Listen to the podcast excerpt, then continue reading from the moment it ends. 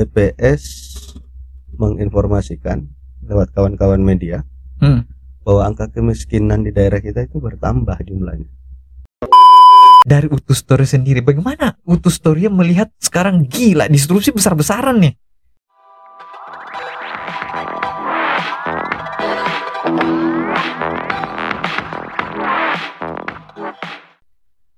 Jadi apa ya? Saya jujur nih, semenjak saya tahu ada platform media sosial yang namanya TikTok, Hmm. saya pribadi download TikTok itu baru sebulan yang lalu. Oh gitu ya? Iya. Oke. Bukan karena apa-apa, yang pertama saya ingin tahu Hmm. kenapa TikTok menjadi sefamiliar ini. Bahkan bisa dibilang mengalahkan popularitas media sosial yang lainnya. Sekarang nomor satu itu nggak Hmm. Jadi setelah saya download, saya lihat bahwa memang hampir semua jenis konten baik itu yang bersifat informasi atau kemudian ya sebatas memamerkan gaya hidup Hmm. ada semua di TikTok. Ada semua kan? Jadi kalau ditanya respon saya pribadi seperti apa atau teman-teman di yang melihat fenomena TikTok itu bagaimana? Yang pertama menjadi wajar ya, Hmm. menjadi wajar karena tiap orang itu kan butuh reward. Salah Hmm. satu reward itu adalah pengakuan Hmm. atas siapa mereka atau Hmm. atas siapa saya. Oke, eksistensi lah bahasa Eksistensi. Iya. dan yang paling mudah untuk membranding diri dan kemudian menerima reward atau Hmm. pengakuan dari orang-orang lain atau apa ya bisa dibilang sederhananya menerima respon dari apa yang kemudian kita tampilkan Hmm. itu kayaknya memang lebih sederhana di di TikTok begitu. Iya sih. Jadi kalau kenapa kemudian orang-orang banjir Hmm. menggunakan platform TikTok sebagai salah satu pilihan media sosial yaitu karena tadi yang pertama haus eksistensi Kedua? yang kedua di TikTok juga sekarang ini kan tidak hanya eh, sharing video ya tapi Hmm. juga ada untuk apa ya belanja ya Iya sekarang ya. setahu saya ada itu Ada. nah jadi salah satu media transaksi Hmm. untuk jual beli Hmm. Artinya makin ke sini TikTok menyediakan banyak eh Halal, halal dalam satu satu aplikasi. iya ya melalui satu aplikasi kita bisa bisa buat banyak hal gitu. Hmm, hmm. Selain misalnya di di di, di menit sekian kita bisa tampil dengan berbagai macam gaya Hmm. untuk kemudian sifatnya hiburan. Hmm. Lalu di saat yang bersamaan juga kita bisa belanja. begitu. Ya. ha. Nah, lebih memudahkan mungkin orang berpikir gitu ya. Hmm. selain saya dapat hiburan, saya juga cari kebutuhan apa yang ingin saya belanja, eh, Hmm. yang ingin saya beli ada di TikTok. Hmm. Itu menjadi wajar sih, bahkan tidak ada yang eh, menjadi persoalan, tapi lagi-lagi kalau ditanya apa persoalannya ya kembali ke diri masing-masing. Cuma gini bang, pertanyaan bang. Em, ini belum menjawab sih menurutku. Oke, bagaimana? Ya, pertanyaan gini, kan Utus Story ini kan muncul sebagai em, media, Hmm. media mainstream. Oke. Boleh saya bilang seperti itu? Bisa. Bisa ya kan? Itu kan Ah, bagian dari respon publik ya. Iya, meskipun eh, cara penyajiannya lewat digital ya. Ah, sekarang banyak lewat artikel dan segala macam. Dengan adanya makhluk yang namanya TikTok ini, makhluk baru yang namanya TikTok ini, Bang, Tribun saja, Tribun, Ah. Tribun cuma munculkan screenshot headline Mm-mm. 15 detik, 10 detik bisa FYP tuh. bisa jadi ke depan juga Tustory akan menggunakan eh, TikTok sebagai salah satu akun pemberitaan. Oh gitu. Bisa jadi. Oh bisa jadi. Ah. Nah itu yang mau tanya tadi, Ya kan? gimana gimana ngelihatnya gitu? Apakah Ya ini kalau- menjadi oh, sebuah oke. ancaman atau gimana Ya, gitu? Tidak lah justru itu ikut membantu kita. Nah, eh, jadi riding the wave ceritanya ya, Ah. ngikutin arus aja lah. Ngikutin arus, tapi ngikutin arus yang dimaksud ini minimal kalau ada 100 orang misalnya yang punya warna sama, Mm-mm. lalu kita adalah bagian dari yang 100 itu tentu untuk menjadi perhatian kita susah. Ya, iya ya, oh, Gitu. paham saya. Ha. Tapi kalau ada 100 orang yang punya warna sama lalu kita tiba-tiba muncul sebagai pembeda, Mm-mm. ya tergantung ikhtiarnya juga nanti sejauh mana survive-nya kan. survive, Bro. Ya, ya memang, memang bang, memang. Itu kan yang yang yang dibahas sama Deddy Kobuzier Mm-mm. kemarin. Wih, saya nonton tuh. Wih, seru Saya belum sih. nonton tapi nanti coba saya. Ah, wajib nonton lah, abang, Oke. abang sih nonton tuh. Wih, seru bang. Karena mereka itu menyajikan dua insight, dua insight yang sebenarnya dua insight ini sebenarnya saling melengkapi. Tapi awalnya itu menjadi perdebatan karena em, ego masing-masing. Yang satu dari sisi media digital, ya kan kita sekarang ngikutin disrupsi gini-gini kan Hmm. sedangkan media mainstream em ya demi demi bertahan dari disrupsi itu Gempuran. akhirnya beradaptasi juga contoh contoh berita sekarang banyak di YouTube kan Iya. ya kan Banyak. Iya kan? banyak. Kita bahkan punya channel YouTube tapi itu belum lanjut. Story. Sampai hari ini belum lanjut kita kelola dengan baik. Gak usah TikTok aja lah gampang dapat views di TikTok serius Ya sebisa mungkin lah semua platform kalau kita bisa mengelolanya dengan baik ya pasti kita gunakan. Nah, iya. Harapannya apa sih bikin utus story itu, Bang? Apa apa yang diharapkan dari bikin story selain selain ny- secara karir lah ya. Ya, karir ujung-ujungnya finansial kan Ya, gitu nah. Tuh, Apa eh kan kalau macam saya ditanya kan, bikin ini apa tujuannya? Saya jujur aja. Saya seperti saya bilang tadi, saya ngomong di di rekam apa enggak tadi ya? Lupa saya. Saya bilang bahwa orang-orang amazing Hmm. orang-orang yang berkontribusi yang tidak sempat ke entah ke podcast podcast atau pokoknya nggak sempat terliput lah Hmm. banyak sebenarnya itu yang saya mau angkat Kayak Dan- saya hari ini datang. oh sini, Saya, jelas saya ya mungkin bagian dari yang tidak sempat. Dan mungkin saya juga jarang ya untuk bicara di depan publik soal keresahan-keresahan. Dan ada di sini itu luar biasa saya bisa bicara banyak hal soal keresahan-keresahan. Ya, ya mungkin sejak tadi nih. Bagi sebagian orang ini omong kosong tapi buat saya saya merasa diapresiasi gitu. Oh iya dong. Iya, makanya saya berterima kasih ke apa nama sini Sini Jo Talks. Nah, Itu dia. Dan saya berharap ke depan banyak yang dilibatkan untuk hadir di sini. oh iya dong. Tolong suplai bintang tamunya dong pak. Jadi kalau ditanya soal harapan ya, iya. Harapan kita buat Utus Storia. Yang pertama, Utus Storia bisa menjadi media yang dipercaya Mm-mm. oleh publik secara umum, Iya. atau mayoritas. Mm-mm. Kemudian kita masih bisa konsisten untuk terus memberitakan informasi yang sifatnya faktual dan edukatif oke karena tidak ada lagi rasanya manfaat diri ini kalau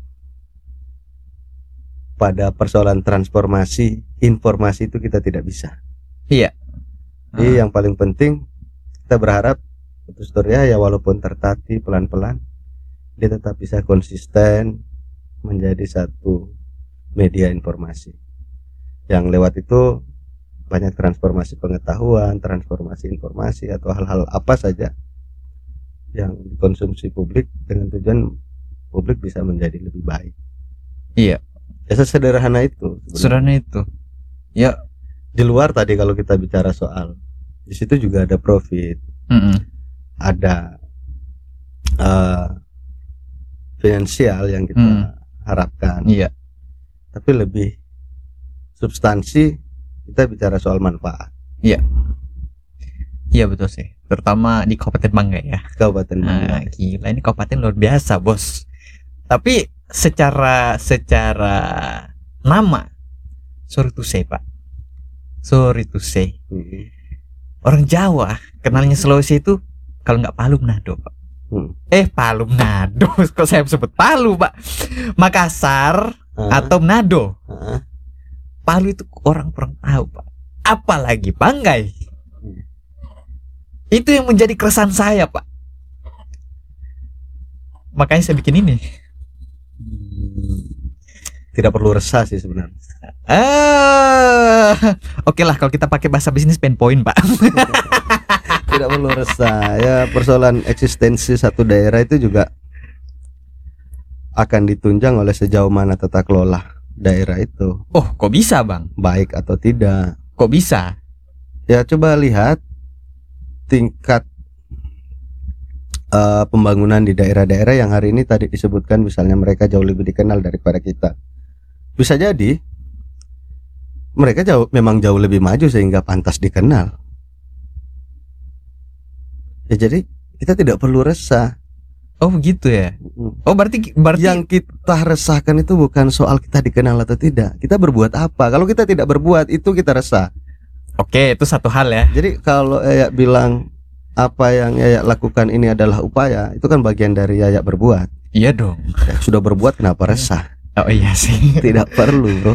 Oke, berarti kalau Abang ngomong gitu ya, saya Ya ke depan saya berharap Yaya juga bisa jadi salah satu atau channel YouTube ini bisa jadi salah satu eh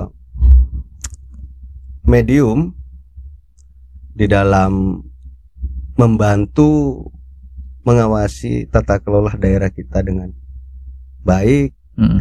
Sehingga segala eh, apa segala sesuatunya bisa dikenal juga dengan baik. Iya. Harapannya sih. Kalau kepala daerah kita korupsi, cepat kok kita dikenal. Wow. Iya kan? Kalau cuma sebatas ingin dikenal, Iya. biarkan saja nggak usah diawasi setiap pemangku kekuasaan hari ini. Bisa jadi karena tidak adanya pengawasan, hilaf Hmm. melakukan tindakan korupsi, Hmm. dikenal itu. Kenal ya? Dari mana itu? Banggai. Nah kalau itu yang diinginkan hanya sebatas dikenal, Heeh. tapi ini kan bukan di situ persoalan. Maksudnya apa? Yang menjadi persoalan sejauh mana sudah tata kelola yang ada di daerah ini baik atau tidak. Oh, just Baik, tentu butuh pengawasan. Makanya saya menginginkan siapa tahu lewat obrolan-obrolan seperti ini ke depan channel ini juga bisa jadi salah satu kontrol sosial ataupun tata kelola pemerintah daerah. Iya, amin. Dan Ya kalau baik pasti dikenal. ah ya itu satu. Dan yang kedua kalau misalkan baik, eh, semoga ke sini dulu lah bintang tamunya sebelum ke prosedur. Undanglah Pak Bupati datang ke sini. Harapan sih seperti itu pak. Ditanya, ya kan? Ditanya. seperti itu pak. apa-apa yang menjadi keresahan tentu para pemangku kebijakan, para pemilik kekuasaan di daerah ini jauh lebih punya kapasitas untuk menjawab keresahan-keresahan yang ada di publik. Contoh mati lampu, kalau mati lampu ya saya diundang yang ada ya itu tadi. Masih sebatas asumsi dan semua kan? Iya. Iya. Termasuk saya juga pak. Ya hanya reaksi yang ada. Iya kalau kan? ditanya soal solusi kayaknya tidak tepat. Kita hanya bisa memberikan solusi tapi lagi-lagi ah, dibatasi oleh berbagai macam kebijakan. Ya. Ya gimana gimana kita mau clarify pak? Nah, jadi yang yang perlu- Orangnya aja nggak mau kemari pak, gimana? ya pihak lain kalau misalnya kan tidak hanya satu itu saja Iya juga sih. Ah. Cuman ya kalau misalkan manajernya yang datang, itu kan kita bisa nanya berbagai hal gitu. undang bupati biar bupati yang tegur Oh gitu. iya kan begitu atau undang anggota dewan perwakilan rakyat kita biar mereka yang tegur Oh begitu. Begitu caranya. ya harus seperti itulah kan Oh iya, tolong saya disuplai bintang tamunya. kalau Gitu. kita yang tegur nggak bisa ya kita cari yang lebih berkompeten dan punya kapasitas untuk menegur mereka Iya sih, yang yang punya power lebih lah. Hmm. Iya. tapi kalau misalnya yang sudah punya kapasitas dan berkompeten juga kita undang tidak hadir nah, kacau lah daerah ini memang Oh jadi jadi menurut Bang Reza ini tata kelola daerah Kabupaten Bangka ini jauh dari kata baik. ya saya tidak bisa langsung menyimpulkan baik dan tidak baiknya Hmm. saya berharap yang pertama satu baru sekitar 2-3 hari yang lalu itu BPS menginformasikan lewat kawan-kawan media Hmm. bahwa angka kemiskinan di daerah kita itu bertambah jumlahnya. Di tahun 2021 menjadi 1900-an berapa? Saya lupa. Tapi Namanya seribu orang. 1900 lebih berapa? Saya nggak tahu Hmm. pastinya tapi coba nanti saya bagi lagi informasi itu dengan nanti silakan dilihat. Ada Iya. kok Saya sudah lihat sih judulnya belum baca isinya. Nah, itu menandakan bahwa harus berbenah lagi kita berarti. Oh gitu ya. Ya karena maju dengan tidaknya juga kan kita salah satu faktor penentunya adalah sejauh mana angka kemiskinan itu bisa diret apa di ditekan turunkan. Iya. tapi kalau yang terjadi angka kemiskinan kita bertambah masih ada yang keliru. Nah, kalau misalkan em, stakeholdernya bilang ya karena kemarin anggaran lebih banyak fokus ke penanganan pandemi bagaimana? Coba Coba bagaimana responnya Bang Risa? ya semua mengalami pandemi Nah, terus pandemi itu adalah peristiwa global Iya. peristiwa dunia Mm. tidak hanya Banggai Iya. tapi kah apakah semua daerah bertambah angka kemiskinannya dengan adanya pandemi kan tidak oh gitu ya. jadi itu bukan salah satu faktor Oke. Ya jangan dikait-kaitkan apa yang sebenarnya tidak bisa dikaitkan Oh gitu. Iya kan siapa tahu kan Iya, misalkan iya, stakeholdernya iya, iya. kalau ngomong ada gitu yang kan. beralasan begitu ya kita Hmm. jawab juga seperti itu Iya dong. Kan kita ini tapi aja pada kan. prinsipnya kita punya tugas sebagai kontrol sosial aja kontrol sosial dan media adalah paling terdepan. Iya termasuk seperti ini juga Oh gitu. channel-channel podcast Iya kita bisa undang orang-orang yang punya kapasitas untuk Iya sih. bicara lebih jauh lebih banyak tepat sasaran Dan gini bang, em, kalau ada yang tanya sama saya, ya, Hmm. saya tidak munafik kejar views pak, Hmm. tidak munafik saya. Tapi saya berpikir bahwa kalau pembicaraan ini nggak viral, ngapain saya buat gitu? Itu kan Oh. kerangka berpikirnya kan. kalau pembicaraannya ada isinya pak, Hmm. ngapain ngapain kita bikin pak? Kalau ujung-ujungnya ya dilihat saja setelah ini kan ya nggak maksudnya di video-video yang sebelumnya juga. Iya, maksudnya ini kan waktu terus berjalan Hmm. dan saya berharap teman-teman tetap konsisten dilihat aja setelah ini bagaimana perkembangannya saya sih yakin sih. kalau yakin kita terus berbuat yakin saya pak. Kenapa saya yakin? Karena eh banyak hal sih, cuman saya nggak mau nyebut di sini. Em, jumlah KBBI, jumlah kosakata yang di KBBI, ternyata itu ju- ah, pada waktu itulah ya, Hmm. jumlahnya itu ternyata sepersepuluh dari jumlah kosakata yang ada di bahasa Inggris. Nah, sepersepuluh sepersepuluh bang wow bilang gila Indonesia dengan dengan beragam suku ini masa nggak ada yang bisa diserap sih jadi KBBI sedangkan sedangkan dengan kemajuan teknologi gila. Saya belajar bahasa Inggris juga kan jadi kosakata baru yang muncul dari bahasa Inggris terutama dari bidang teknologi ya. Wah gila-gilaan pak. Ini gimana bang Reza melihatnya? S- kita punya suku yang beragam pak. Masa nggak ada yang bisa diserap jadi di KBBI sih jadi gini kalau saya bilang kita punya banyak suku bangsa ya Mm-mm.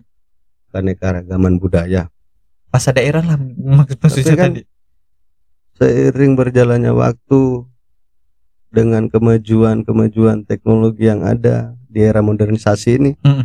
tidak sedikit justru yang merasa risih dengan budaya yang ada di lingkungan mereka. Contoh paling kecil sudah sangat sedikit dari kita yang mau menggunakan bahasa daerah.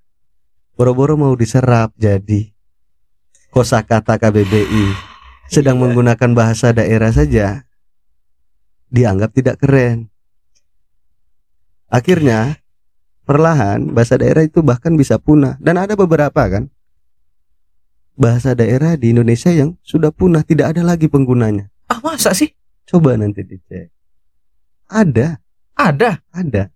di Sulawesi Ya, tidak di Sulawesi saja, tapi ada beberapa daerah yang bahkan sudah tidak punya pengguna bahasa daerahnya. Itu karena apa? Seiring berjalannya waktu, generasi ke generasi, malas mereka menggunakan bahasa daerah mereka. Dianggap tidak keren. Lebih keren kalau kita ke barat-baratan. Nah, itu persoalan ya. Saya pernah di kampus ya menemukan fenomena itu bahwa dengan gaya bahasa yang kebarat-baratan mereka untuk bahasa daerah pun ditertawai dan menggunakan bahasa daerah di kampus seolah-olah itu lucu itu tidak pantas padahal kami di jurusan bahasa Indonesia Hmm.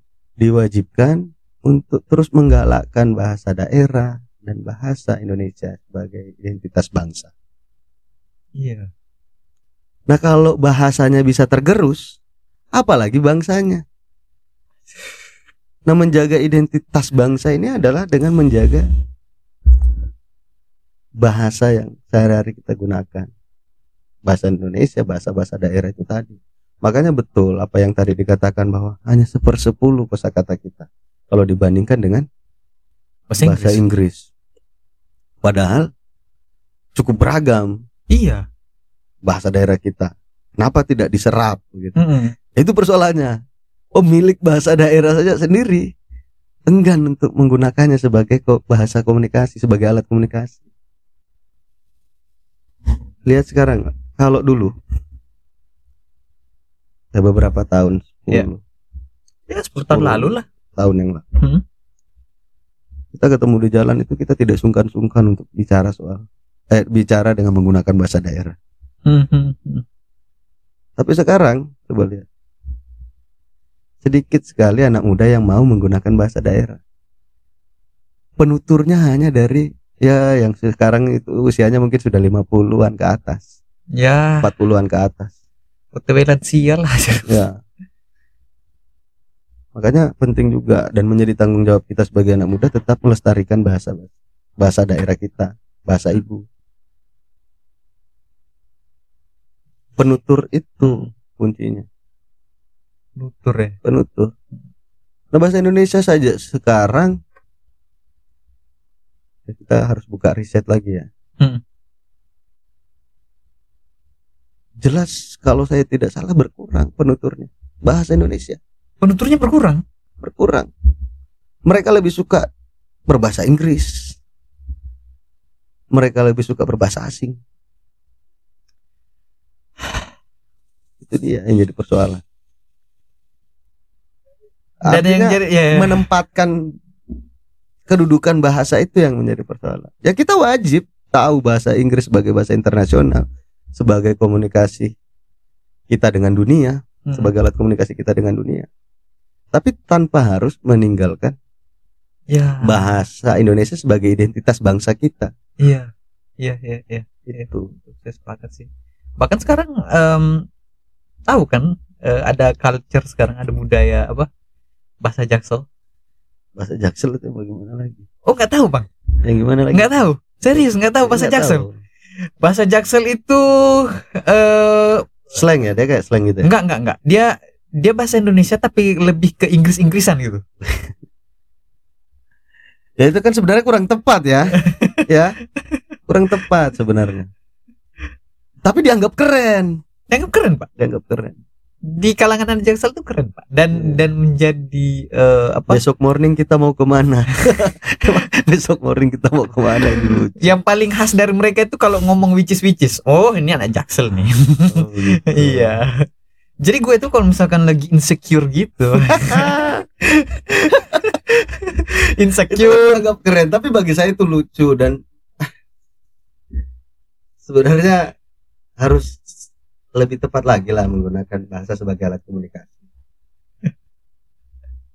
itu dia jadi persoalan. Apakah karena alasan kita sangat kurang kosakata sehingga menggunakan kosakata bahasa Inggris? Kan tidak juga ya. Ya kan? Sebagai alat komunikasi sehari-hari, saya rasa kosakata yang ada sekarang sudah bisa mewakili. Nah, perlu dikembangkan lagi dengan apa? Dengan tetap menjadi penutur bahasa daerah masing-masing dari kita tetap menjadi penutur bahasa Indonesia. Ya, deketin Pak, tolong Pak. Iya. Oke. Itu dia ya. Ya, nggak nggak boleh nggak boleh luput ini pembicaraan nggak boleh nggak boleh. Oke oke apa? itu? Jadi ya mungkin balas dulu kan nanti saya bisa cut ini.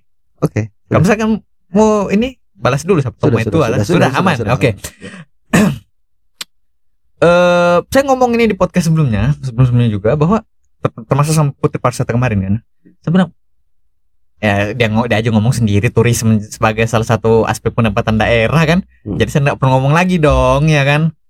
Maksudnya saya em, kalau kita explore ya, terutama Sulawesi Tengah, saya malah berani berani apa? Berani ngomong kosong lah sama orang. Eh di Sulawesi Tengah tuh banyak loh tempat pariwisata yang keren-keren bagus-bagus. Nah, nah ini gimana perannya Utus Toria dalam mengangkat hal ini gitu?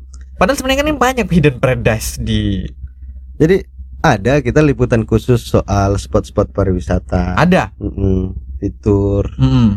soal di mana lokasi-lokasi yang perlu dieksplor sebagai objek pariwisata. Ada, Ada. ada. Nah, jadi Lengkap detail. ya kalau dibilang detail tentu ha- sejauh ini berdasarkan tempat yang sudah pernah dikunjungi oleh kebanyakan orang. Oke, yang belum dikunjungi? Belum diliput. Ya, kita explore Oh, explore. Oke. itu dia. Jadi gimana? Gimana eh, dari Bang Reza sendiri melihat melihat itu? Ini kan maksudnya yang apakah gimana ya? Maksudnya kita perlu berbuat dalam segi apa nih supaya pariwisata di Kabupaten Banggai maju Iya. gitu? begini. Banyak sebenarnya spot-spot pariwisata ya Hmm. kalau bicara soal di daerah kita ini. hmm, Tapi kadang-kadang setelah dia menjadi objek pariwisata, hmm. lingkungannya jadi tidak terjaga. Itu yang yang yang yang yang kita lihat sekarang. Iya iya iya iya. Oke. oke. Kesadaran kita di dalam menjaga lingkungan sehingga lingkungan itu tetap menjadi objek pariwisata dengan situasi yang tetap baik-baik saja. Hmm. Itu kayaknya susah. Iya sih. Setelah satu tempat objek wisata itu dikenal, dikunjungi banyak orang, konsekuensinya lingkungannya jadi tidak terjaga. Nah, makanya ada beberapa yang berkeinginan ketika kita ke satu tempat dan tempat itu sepertinya bagus dijadikan sebagai objek pariwisata. Tapi lagi-lagi akhirnya dilema kalau ditahu oleh banyak orang gitu dalam upaya dia mengeksplor tempat pariwisatanya kan. Hmm. Konsekuensi tempat ini nanti jadi rusak. Oh iya sih. Iya iya. Iya kan? Hmm. Tidak sedikit yang yang yang yang yang juga punya pemikiran seperti itu. Hmm. Coba lihat beberapa spot wisata kita. Yang paling pertama kesadaran kita atas sampah saja masih kurang. Hmm. Alam yang sebelumnya bagus, bersih, Hmm. setelah itu dijadikan sebagai objek wisata, objek pariwisata, dikunjungi oleh banyak orang karena kesadaran kita menjaga kebersihan juga masih sangat kurang. Hmm. Akhirnya yang tadinya itu natur sekali Hmm. kelihatannya jadi kotor, Hmm. rusak. Iya sih. menjaga kelestarian lingkungan itu Hmm. yang yang yang sebenarnya harus berbanding lurus tingkat kesadarannya dengan banyaknya objek pariwisata yang ada di daerah kita. Iya sih itu saya sepakat sih. Karena Kalau objek pariwisatanya banyak tapi kalau tingkat kesadaran kita di dalam menjaga lingkungan rendah itu akan jadi persoalan. Kita hanya akan jadi perusak dari alam-alam yang eksotis indah itu. betul sekali saya sepakat tuh. Hmm.